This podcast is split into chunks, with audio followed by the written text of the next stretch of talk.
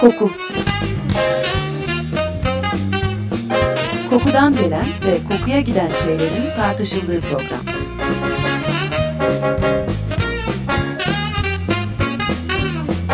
Hazırlayan ve sunan Vedat Ozan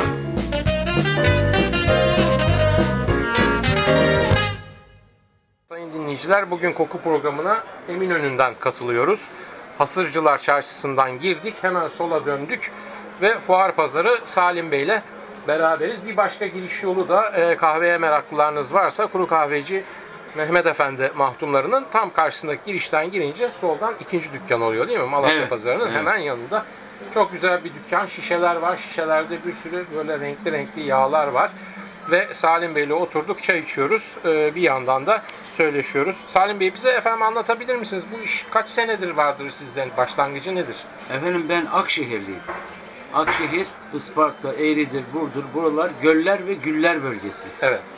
Dededen gül yağcılık mesleğimizdi. Bunu İstanbul'a taşındıktan sonra bu mesleği İstanbul'a da taşıdık. Ve Mısır Çarşısı'ndaki bu 30 küsür senelik dükkanımızda e, çeşitlerini de çoğaltarak bu yağların parfüm ham maddesi ve e,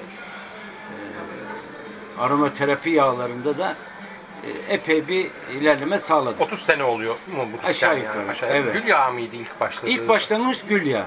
Tek tip gül yağı mı satıyordunuz yoksa muhtelif şeylerde İlk mesela- önce tek tip gül yağı satıyorduk. Çünkü o zamanlar sentetik bilinmiyordu bile. Bilemiyorum, evet. Ee, fakat daha sonra e, Fransa ve Avrupa'da sentetik kozmetik çok ilerledi. Dolayısıyla biz de bir manada mecbur kaldık o çeşitleri de koymaya. Anladım. Isparta gülü dediğimiz, Damask gülü dediğimiz Evet, gül. Rose. Damascena. Rose Damascena dediğimiz. Osmanlı'da Kazanlık, Bulgaristan'daki Evet, Kazanlık, Kazanlık. bölgesiyle Kazanlak diyorlar onlar Evet, kendileri. evet. Ee, Isparta'nın, e, Burdur'un, o çevrenin e, gülü aynı güldür. Aynı gül evet. Menşei Osmanlı. Evet. 1700'lü yıllar. Zaten Osmanlı'da da gül çok kullanılmış gül abdanlarda Evet. vesaire. Yani Hatta e, Abdülhamit devrinde e, Mekke'deki e, gülaptanlarda e, gül yağı dökerek onun kandilini yakmışlar. evet. Yani Evet. bu seviyeye kadar önem vermişler o o, o zamanlar. Gülün çok önemli olduğunu biliyorum Os- Osmanlı'da ve misk ve gül aslında çok önemli tabii. Evet, müsk, misk buhur, daha buhur suyu yapılıyor. Buhur suyunun içine misk konuyor, işte tefarik konuyor vesaire. Evet. Ee, böyle bir şey var. Efendim şimdi bu gül yağından diğer gül yağı demişken mesela bir gül yağı dinleyicilerim e-mail atıyorlar. Diyorlar ki işte gül yağı aldım. Ee, ne kadar aldınız diyorum. İşte ne bileyim ben böyle bir küçük şişe tahminen herhalde 30-40 mililitre. İşte 5 lira, 6 lira, 7 lira. Böyle bir şey mümkün müdür? Bu gerçek olmak için fazla iyi bir şey değil mi efendim? Evet efendim. Yani bu şuna benziyor. Sentetik gül yağını, sentetik kelimesini kaldırıp gül yağı kelimesini koyuyorlar. Halbuki gül yağı, natürel gül yağı 5-4 ton, 5 ton gül yaprağından 1 kilo gül yağı elde edilen natürel bir yağdır ve içindeki esterler, eterler, şifalı özler hakiki gül yağında vardır. Ne kadar mesela bu, bu sizde küçük ambalajlar var galiba Bizde değil mi? 3 mililitre. 3 gram, 6 gram, 12 gramlık e, Evet. buna özel şişeler var. Evet. Bu Arap e, ve dünya aleminde de Tola ismiyle e, ebatlandırılıyor. Nus Tola, Rubah Tola diye. 6 gram, 3 gram. Bizde şu anda gramı Türk parası 25 lira. 1 Bir gramı gramı. 25 lira. Anladım. Yani 3 gramlık bir şey 75 lira. Anladım. Ve e, artık fiyatlar da dünya çapında art, öyle biliniyor ki bu fiyatlar yani en iyi kalitesi 3-5 lira farklı olarak müşteri hemen biliyor. Hatta dükkanımıza e, Arap ülkelerinden bilhassa Amerika'dan, Almanya'dan gelen e, müşteriler hemen cep telefonuna ülkelerini arıyorlar. Ya ben yerini buldum. Tam yerine geldik. Kaç gram daha alalım? Fiyatı şu. Yani iş böyle oldu. Yani Evet. gizlenecek hiçbir tarafı kalmadı. Kalmadı. Bir tek şu e, var. Hakikaten hilesiz e, yüzde yüz saf olanını satanı e, müşteri ayırt ediyor. Müşteri ayırdı. Peki bu e, dışarıdan da geliyorlar dediniz. Buraya hem yerli alıcı geliyor Evet. hem yabancı alıcı Evet. geliyor. Hangisi daha çok? Yabancılar mı Yabancılar daha çok? daha Yabancılar. çok, evet. Hangi milletler daha çok size gelip de alışveriş ederler? Ee, şimdi e, insanları e, mazur görsünler beni. Elit insanlar, daha internasyonel insanlar, kokunun direkt kullanıldığını bilen insanlar daha çok geliyor. Yani başta e, bu hususta Amerikalılar ve Arap ülke Araplar kokuya çok düşkün olduğu için bu hususta Evet. bilgililer. Yani alkolde taşınmamış koku. Taşınmamış, diyorum. hiçbir Alkol şey konmamış. Evet. Yani onu bir e, başka bir yağla hafifletilmemiş. Biliyorlar yani bilen müşteri bizim müşterimiz zaten. Yani daha çok Amerikalılar ve Araplar mı geliyor? Araplar evet. Amerikalılar evet. ve Araplar Evet. geliyorlar. Peki geldikleri zaman direkt bilerek mi gidiyorlar? Yani mesela bana gül yağı ver veya paçuli ver, işte ne bileyim ben, e, misk ver gibi mi geliyorlar yoksa sizden Evet, daha çok öneri bizi- fikir bizi- soruyorlar? Biz kokucu olduğumuz için e, mecburen bütün e, koku yelpazesini bulundurmak mecburiyetindeyiz. E, gelen müşteri baştan söylüyor onu. Ben e, koku istiyorum, sentetik veya natürel olsun fark etmez diyor. Biz o zaman öbür kokularında özleri var yine. Onları da gösteriyoruz. Sentetik de elde edilmiş olsa. Fakat natürel istedikleri zaman natürel kokuları sunuyoruz. Naturellerde en çok talep hangisine? Vallahi Yani hangi gül- esas ya en çok mesela gülü mü soruyorlar? Evet. Paçuliyi mi Şimdi söylüyorlar? e, Türkiye'ye gelen Türkiye'nin ürettiği bir şey istiyorlar. Onun için Yabancılar. Gül birinci sırada. Ha. Lavanta, lotus, e, Türkiye'nin ürettiği yağlar e, bilhassa aranıyor. Bizde ithal edilen yağlar da var. Mecburen kokucu olduğumuz için bulundurmak mecburiyetindeyiz. Onları da e, çok bilinçli ithal ettiğimiz için e, mesela üd yağı var. E, ben Arapların memleketinde olduğu halde onlara üd satıyorum. Şimdi Çünkü- Hindistan, Kamboçya, Laos Evet, falan evet, buralar evet. değil mi daha çok? Oradan Yani, getirtiyorum evet. ama ağacı hilesiz yani. geldiği için Evet. burada en önemli şey kokucunun en iyi malı bulup alması ve en hilesiz bir şekilde müşteriye iletmesi. Anladım. En nazik nokta bu. Peki ud ağacına mesela talep oluyor mu? Ya ben mesela çok severim şahsen. Evet, ud oluyor ağacını. efendim. Oluyor. Agar ağacı da diyorlar ona. Evet, Bir sürü ismi evet, de var. evet. Çok da hoş bir kokusu Evet. vardır. Tek Aloe başına wood oil aloe diyorlar. wood oil de deniyor ve tek başına bir parfüm gibidir. Yani öyle bir hafif Evet karmaşık efendim, bir kokusu evet, vardır ama evet. mesela gelip de direkt bana ud ağacı lazım diyen oluyor mu böyle talep oluyor mu Ee, yoksa Ot bu ağacından ziyade biz esan yani e, esans ve yağ yaptığımız için bizden bunun e, özünü, yağını talep ediyorlar. Öd ağacını daha çok Arap ülkelerinde e, e, buhur gibi yakarak Buhur gibi, kullanıyorlar. gibi, buhur Bizim gibi burada öyle bir alışkanlık yok. O bakımdan biz onu bulundurmuyoruz. Peki mesela ud ağacında fiyat nasıl? Onların da ağaçları kaliteli kali- kalite Evet, kalite. evet, yani evet. mesela yağlı bölüm hani nasıl ağacın çıralı bölümü vardır. Öd ağacının yağlısı belli olur. Evet. O daha bir pahalıdır. Evet. Az yağlısı daha en yağsızı en ucuzdur yani. Yani ortalama bir fiyat vermek gerekirse bir gram ud yağı almak isteyen bir dinleyicimiz kaç parayı gözden çıkartmak zorunda? Gül yağı ile aşağı yukarı 5 aşağı 5 yukarı aynı. Yani onun bir çok çok kalitelisi var. O gül yağını double yapabilir. Yani iki misli olabilir. Anladım. Ben dinleyicilerimiz için kısa bir bilgi vereyim. Ud ağacı bir ağacın aslında mantarla enfekte olmasıyla ortaya çıkan bir koku. Ud ağacının sadece kendisi değil, ud ağacının mantarla beraber yani mantarın bir anlamda ud ağacını yedikçe ortaya çıkardığı o malzeme e, daha sonra yağ haline getiriliyor. Bir anlamda kelimesi garip gelecek belki ama çürümüş olanı makbul. Yani mantarın Evet. çürümüş olanı, çürümüş olan şeyden hemen korkmamak lazım. Çünkü bazı peynirleri de çürümüş olarak görüyoruz. Çünkü kokuyu ortaya çıkartıyorlar. Sonuçta çürüme ismini koyuyoruz ama o bir kimyasal reaksiyonun ismi. Aynen doğru. Netice Bu tabii yalnız Hindistan, Kamboçya, Türkiye'de olmuyor. Türkiye'de yok. Türkiye'de, yok Türkiye'de dedi. de olan şey dünyada olmayan onu da e, size vurgulamak isterim. Muğla'da sığla Sığla ve günlük. günlük. Frankincense Evet, yani, evet. evet. O da yalnız Türkiye'de vardır. Evet. E, O bakımdan e, yabancı müşteriler onu da isterler. Bir de Umman taraflarında falan çok var diye. Burası kaliteli herhalde. Burayı Öyle mi? tutuyorlar evet. Ve onun ağaçlarının e, kırpırtısından buhur yapılıyor. Evet. Günlüğü de biliyorsunuz onun Evet. e, sakızıdır. Evet, evet. E, onu da çok e, enteresan. Evet. Mistik bir e, anlamı da var onun.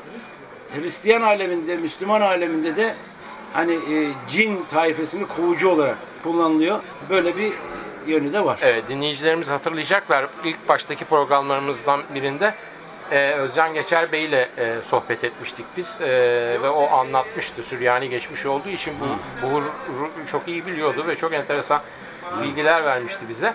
Ee, günlük ve sığla birbirine aslında çok benziyor. Günlük Evet. frankincense dediğimiz, sığla da strax dediğimiz. Evet. Hatta bazen ticari parfümlerin işte reklamlarında da içinde strax var falan dendiği zaman o çok uzak bir şey değil. Biz aslında bizim içimizden gelen Evet. Anadolu'da bol bol yetişen Aynen evet. bir şeydir. Efendim bu paçulye ben dönmek istiyorum. Buyurun. Kayıtta başlamadan önce sizinle biraz konuşmuştuk bu konuyu. Şimdi e, paçulyenin Avrupa'ya girişi sırasında işte haşerat e, kovucu, e, güve Evet. kovucu olaraktan işte yapraklara kumaşlar sarılıyor, ipekler vesaire. Bu şekilde giriyor. Kokusu hoşa gidiyor vesaire. Sonra parfümlerin içinde kullanılmaya başlanıyor. Şimdi burada yazlıklar, kışlıklar evlerde e, giysiler, çamaşırlar yukarı kaldırılırken, aşağı indirilirken tabii güveden vesaire korunmak için naftalin konuyor. Ee, bu naftalinin kokusunu da gidermek için ondan sonra iki günde bunları havalandırıyoruz bir de bu koku gitsin diye. E Bir de Bunun naftalinin yerine- kanserojen etkisi Evet, var. tabii, muhakkak. tespit oldu. Muhakkak. Şimdi onun yerine bu paçuli'nin sizinle konuşmuştuk, siz tarif etmiştiniz. Bir tahta bloğa bu paçuli yağı emdirilerek çamaşırların Evet. içine, giysilerin içine konulsa e, hem hoş bir kokuyla Çok e, daha uzun kalıcı çok oluyor. daha. Onun dışında ne önerebilirsiniz? Mesela paçuli? Türkiye'de lavanta çiçeği korarlardı. Şimdi lavanta yağı koyuyorlar. Yani gardırobun tahta bölümünün arka tarafına lavanta yağını emdirin. E, o güveyenin e, gelmesini önlüyor. Güve ko- kovucu olarak kullanılıyor. hem de hoş bir kokuyu, Hem de hoş lavanta bir kokuyu kokuyor. barındırmış oluyoruz. Evet. Peki bunun dışında sizin yağları tekil olarak satmanın dışında böyle parfüm formülü olarak yapıp da ne bileyim ben işte bize ait şöyle bir parfüm var. Çünkü ben burada bir takım şişeler görüyorum. Gerçi onlar yabancıların galiba versiyonları Evet. gibi. Bunun dışında böyle bir çalışmanız var mı acaba? Şimdi efendim bizim buradaki yağlarımız yani yüzde otuzu yerli. Hı. Yüzde otuzu Avrupa menşeli. Yüzde otuzu da Doğu menşeli. Veya kırkı. Burada en önemli şey gerçek kokuya ulaşabilmek. O koku eğer Çin'de ise Çin'den alıp geliyoruz. Türkiye'de ise Türkiye'de üretiyoruz veya Türkiye'den alıyoruz. Avrupa'da ise Avrupa'dan alıyoruz. Sentetik kokuların yüzde doksanını Avrupa'dan alıyoruz. Çünkü kozmetik kimyasında bizim ülkemizde daha ileri bir konumdalar. Onun için sentetik kokuları %90 Avrupa'dan alıyoruz. Ee, Doğu blokundan aldığımız kokular oranın menşeli kokuları. Hindistan, Kamboçya'da olduğu gibi. Onları da oradan temin ediyoruz. Orada da bazı sentetiklerde şu anda ilerleme kaydedenler var. Onlardan da yeni yavaş yavaş yeni mallar alıyoruz. Bu formül hali yani parfüm haline getir. Mesela orada görüyorum e, Nesime Aksa, Cennet, Şimdi, e, Sultan gibi evet. kokular görüyorum. Mes- Onlar mesela, mesela- evet e, Orada- Zehretül Haliç var Zehretül mesela. Haliç yazıyor, evet. Nesime Aksa, Sultan. Evet. Bu isimleri biz Türkiye'den, Avrupa'dan veya Doğu'dan birbiriyle imtizac edebilecek ve hangi oranda karıştığı zaman çok güzel bir koku çıkacak. Biraz da bilgi birikimimiz ve te- tecrübemize yapıyorsunuz göre evet. yani. Ve Evet. o çıkan kokunun ismini verebilmek de çok önemli. Çünkü kokuyu elle tutulur, gözle görülür bir şey olmadığı için isimle tarif etme imkanı oluyor. kokuyu tarif edecek kelimeler maalesef Kel- yok. Hep benzetme onun yapıyoruz. Için, onun Evet. için o benzetmeleri yapıyoruz Evet. ve yüzde seksen araştırmalarımıza göre yüzde seksen insanların kabul ettiği koku tutuyor. Bir kere hayatta şu var yani e, her kokuyu yüzde yüz seven diye bir şey olamaz. Yok, yok. Genel bir koku beğenisi yok herkese göre. O Aynen öyle. Yani Evet. e, benzin istasyonunda benzinden hoşlanan insan var. Tabii. Buraya geliyor kahve kokusundan hoşlanan insan var. Doğru. Yani hiçbir insana sen bu kokuyu daha güzeldir bunu sev diyemezsiniz. Peki mesela bu Nesimi Aksa veya yanındaki cennet. Bu Nesimi Aksa'yı gelip bir Amerikalı koklayıp alır mı yoksa bu daha çok Araplara mı? Ha yok. İsminden biz, de müsemma söylüyorum. yani. Estağfurullah. E, Biz e, bilhassa onlara o çeşidi biz sunuyoruz. Evet. Diyoruz ki bakın böyle böyle e, yaptığımız e, üretimler de var. Eğer onlara çok enteresan gelirse alıyorlar. Yani e, beğenisine sunmak mühim olan o. Peki bunu aldık. Mesela gül yağını da ben biliyorum. Gül yağını aldık, kullanmak istiyoruz ama aslında gül yağı ağır diyebileceğimiz çok kuvvetli bir kokudur. Bunu bu kadar ağır hissetmek istemeyen ama gene de gül yağını kullanmak isteyen olursa bunu nasıl seyretmesi lazım? Yağ esans alkolde ve yağda erir. Yani yağ yağda erir. Dolayısıyla nötr bir yağ, hiç nötr e, bir Kokusu yağ olmayan bir yağ. olmayan bir yağ ne olabilir mesela bu? e, piyasada eftalat diye geçiyor.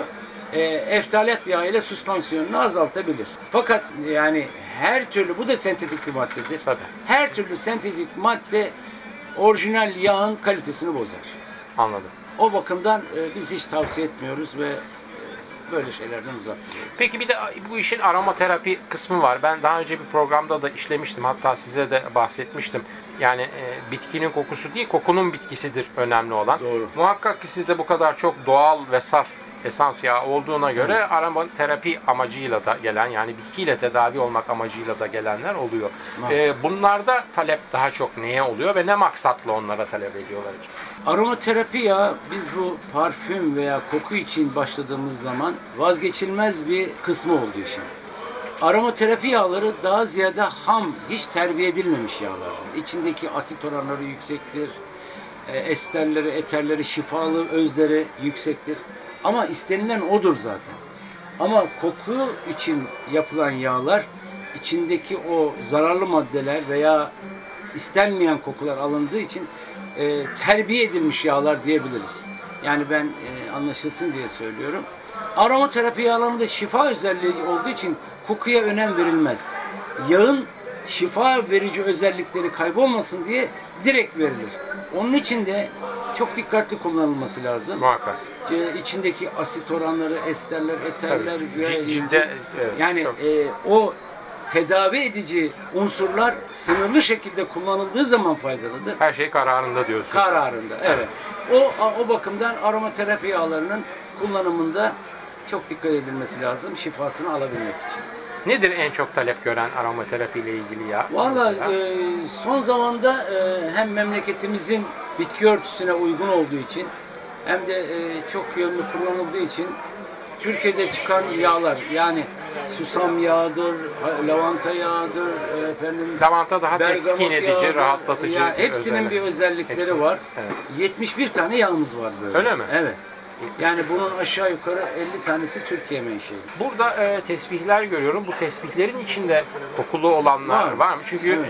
İngilizce rosary diye geçiyor tesbih. Evet, evet. Aslında gül ağacından yapılarak başlıyor bütün bu iş benim bildiğim. Ve Evet. hafif böyle gül ağacı. Gül ağacı da tam gül gibi kokmaz. Kokmaz. Biraz daha şeyde daha çabuk uçar kokusu, biraz daha ekşimsidir kokusu. Böyle bir tesbih var mı acaba burada yoksa bunlar Bu tesbih sadece işi benim çocukluğumdan hobimdi. İşe taşıdım bunu. Ben e, gördüğünüz gibi Kültür Bakanlığı'nın e, bir e, Evet. sertifikasıyla 5 tesbihçiden birisiyim Türkiye'nin. Bu hususta öd ağacının öyle mi? Evet, öd ağacının tesbihi güzel ve kalıcı bir kokusu vardır. Gül ağacının olmaz kokusu. Öyle mi? Yani evet e, ve çok makbul de değildir. Ama Evet. rosary oradan çıktı. Yani Oradan- tesbih oradan- çıktı Evet. diye biliyorum ben. Evet. Keşişler falan kullanırlar, bellerine sararlar vesaire Evet. biliyorsunuz. O ağaç, Hristiyan tesbih alemde. ağaçlarının en önemli şeysi kurtlanmayan, çok uzun süre kalan, sert bir ağaç olup üstündeki yapılan işlemeyi gösteren ağaçlar tercih edilir. Onun için pelesenk ağacı, abonoz ağacı, dişler, fil dişi, balık dişi, kehribarlar, Dayanıklılık, Dayanıklılık önemli. önemli. Ama ulu ağacında koku da Öd ağacında tesbihi çok elinize aldığınız zaman evet, çok dayanıklı olmamakla birlikte koku olduğu için e, sevilen bir ağaçtır. Çok fazla üstünde sanat icra edilmez. neden çok fazla? Yumuşak Yumuşak ağaçtır. olduğu için Evet. işleyemiyorsunuz. Yumuşak Evet, Anladım. Altının da yarını Aynen düşürüp öyle. sertleştirmek. Sert Anladım. ağaçlar işlenir. E, çok güzel iş, işlemeli ağaçlar vardır. Hatta Osmanlı tesbihte o kadar ileri gitmiştir ki biz bir tesbihe baktığımız zaman hangi tekkede yapıldığı, hangi tarikata ait olduğunu bile hemen anlarız. Öyle mi? Evet. Çünkü onlar e, imame, müezzin ve cemaat dediğimiz kısmında ona dair şiarlar koyarlar. Yani bellekler koyarlar. Biz ona bakarız bu Mevlevi tesbih, bu Kadiri Yani tesbih. işaret, sinyal gibi bir şey. Sinyalleri onların Evet. mesela başlıkları fes gibidir, öbürküsü kalpak gibi. Onları tabii e, hep şekil şekil çizip göstermek lazım. Şimdi bu kokular genelde e, yağ halindeler. Osmanlı döneminde katı halde yani daha katı yağlar böyle sürülen e, galemis denilen aslında kalleyi misk denilen bir takım parfümler de vardı. İşte Evet. kaşa sürülür vesaire falan. Tabii bunlar herhalde bugünlerde talep yok böyle bir şey Evet, bulundurmuyorsunuz değil şimdi tabii yağlar şimdi distilasyon usulüyle yapıldığı için e, artık özünün özü alındığı için eskiden e, böyle bir şey mümkün değildi. Distilasyon usulü bilinmiyordu veya yapma imkanı yoktu. Onun için e, daha önce yapılan yağların yapıcıları bile başkasına öğretmeden vefat edenleri olduğu için nasıl yaptığını bile bilemiyoruz bazılarını. Ee, ama bazıları öğretmiş, talebe yetiştirmiş. Onlar biraz daha uzun süre Bizde maalesef yazılı tarih de çok kısıtlı olduğu için Maalesef. Osmanlı dönemi kokularına ulaşmak çok zor oluyor. Maalesef. Bu anlamda maalesef, çok zor. maalesef. Şimdi burada bu sizin yaptığınız parfümlerden cenneti görüyorum ben. Acaba cennet nasıl bir kokudur? Ne vardır içinde? Muhtemelen misk olduğunu tahmin ediyorum içinde. Muhakkak ki cennet kokusunda da o şey var, karışım var. Ama oranlarını oranların da hiçbir kokucu söylemez. Söylemez O tabii, da bir muhakkak. formüldür, sırdır. Doğrudur. Var. Ben bu sessizlikte ben Evet. kokluyorum biraz kokuyu. Evet. Yasemin de var biraz gibi. Var, elma içinde. var. Evet. Yani işte elmayı yediği için cennetten kovulduğu için Evet. e, öyle bir çağrışım yaptık. Evet, o da olabilir. Elma özü O de da var olabilir. onun içinde. Aslında cennetin toprağının misk ve safrandan Evet. e, Safran var içinde. Evet safran. Evet. Onun için ben Elma acaba var. öyle Ben bir iki dedim. tanesini söylemiş olayım bu Anladım. şeyle. Anladım. Ben e, dinleyicilerimize küçük bir şey vereyim. Efendim ortam kokulandırması diyoruz. Çok fazla işte ne bileyim ben mumlar yakılıyor, tütsüler yakılıyor. Bu küçük spreyli püskürtücüler kullanılıyor. Halbuki ortam kokuları aslında çok önceki dönemlere gidiyor. Bundan çok uzun zaman önce. İslamiyet'in ilk zamanlarında camiler yapılırken mesela e, misk tanecikleri ki misk e, biliyorsunuz ilk başta katı halde yağ çıkartılmadan önce camilerin harcına karıştırılıyor ve böylece camilerin çok uzun bir süre kokması sağlanıyor. Evet. Hatta hala e, Diyarbakır'da böyle bir cami çok yakın zamana kadar minaresindeki koku kaçmasın diye minaresinin üzerine kılıf geçirilerekten Evet. e, muhafaza ediliyordu. Bunu da ben sizden öğrendim. Öyle mi? Evet. Öyle mi? Bu aynı zamanda hem ortama ait böyle bir dini bir koku veya işte uhrevi bir koku diyebileceğim bir koku sağlıyor. Hem de bugün pazarlamacıların gözüyle baktığımız zaman ilk marka kokusu olmuş oluyor. Yani bir e, markanız var. Markanıza ait bir koku sinyali vermiş oluyorsunuz.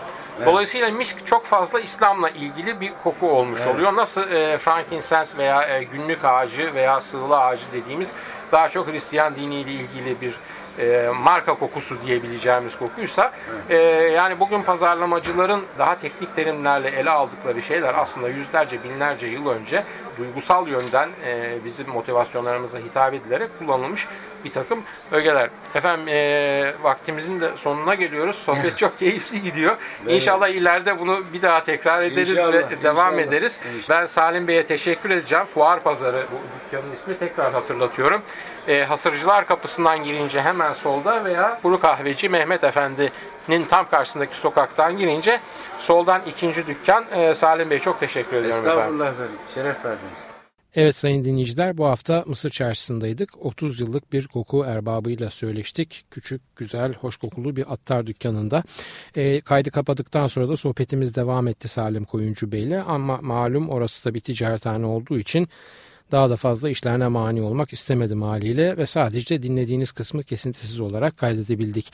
Ee, Salim Bey dinlediklerinize ilave olarak size aktarmam gereken bir başka bilgi daha verdi. O da şu ki e, kendisine ait Fuar Pazarı isimli dükkana gidip de Açık Radyo Koku programının dinleyicisiyim diye kendinizi tanıttığınızda bize bir jest olarak ürününe göre değişen şekilde %10 %15 gibi bir indirimde alabileceksiniz. Özellikle yazlık kışlık giysilerin yerlerinin değiştiği e, bu dönemde söyleşte de konuştuğumuz gibi naftalin yerine paçuli yağı veya lavanta yağı kullanmak için yararlanabilirsiniz bu fırsattan. Bu yağlardan herhangi birini çok az miktarda satın alıp bir tahta parçasına emdirebilir ve giysi dolabınızın bir köşesine koyabilirsiniz. Böylece hem güve yeniğinden kurtulursunuz hem de mevsim boyunca hoş bir koku hafif hafif sinmiş olur giysilerinize. E, ilk başta şişeden gelecek keskin ve yoğun koku sizi korkutmasın. Birkaç damlalık bir porsiyon asla şişenin ağzından kokladığınız gibi keskin kokmayacaktır. E, kullanmadığınız ve arta kalan yağ özellikle güneş ışığından ve ısıdan uzak saklamayı aman unutmayın. Tüm koku moleküllerinin en büyük düşmanı bu saydığım iki unsur çünkü. Uygun koşullarda saklarsanız kalan yağı ilkbahar mevsiminde de kullanabilirsiniz. E, söyleşte geçen bir konuya daha açıklık getirmek istiyorum. Salim Bey'in bahsettiği esans yağ seyrelticisi olarak eftalatı e, gene sirkecide kimyevi madde satıcılarında dietil fatalat olarak bulabilirsiniz. Kısa kısa ismi DEP'tir, DEP. Ancak bunun yerine daha zararsız olduğu söylenen diploplen glikol yani DPG de bulabilir ve kullanılabilir. Ee, soru, öneri ve eleştirileriniz için e-posta adresimizi tekrar ediyorum. kokuprogrami.yahoo.com Ben Vedat Ozan, radyonuz kokusuz kalmasın sevgilerimle.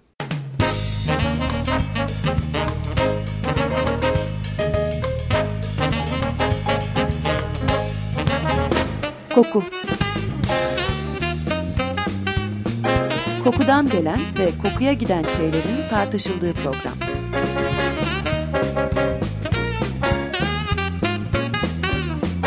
Hazırlayan ve sunan Vedat Ozan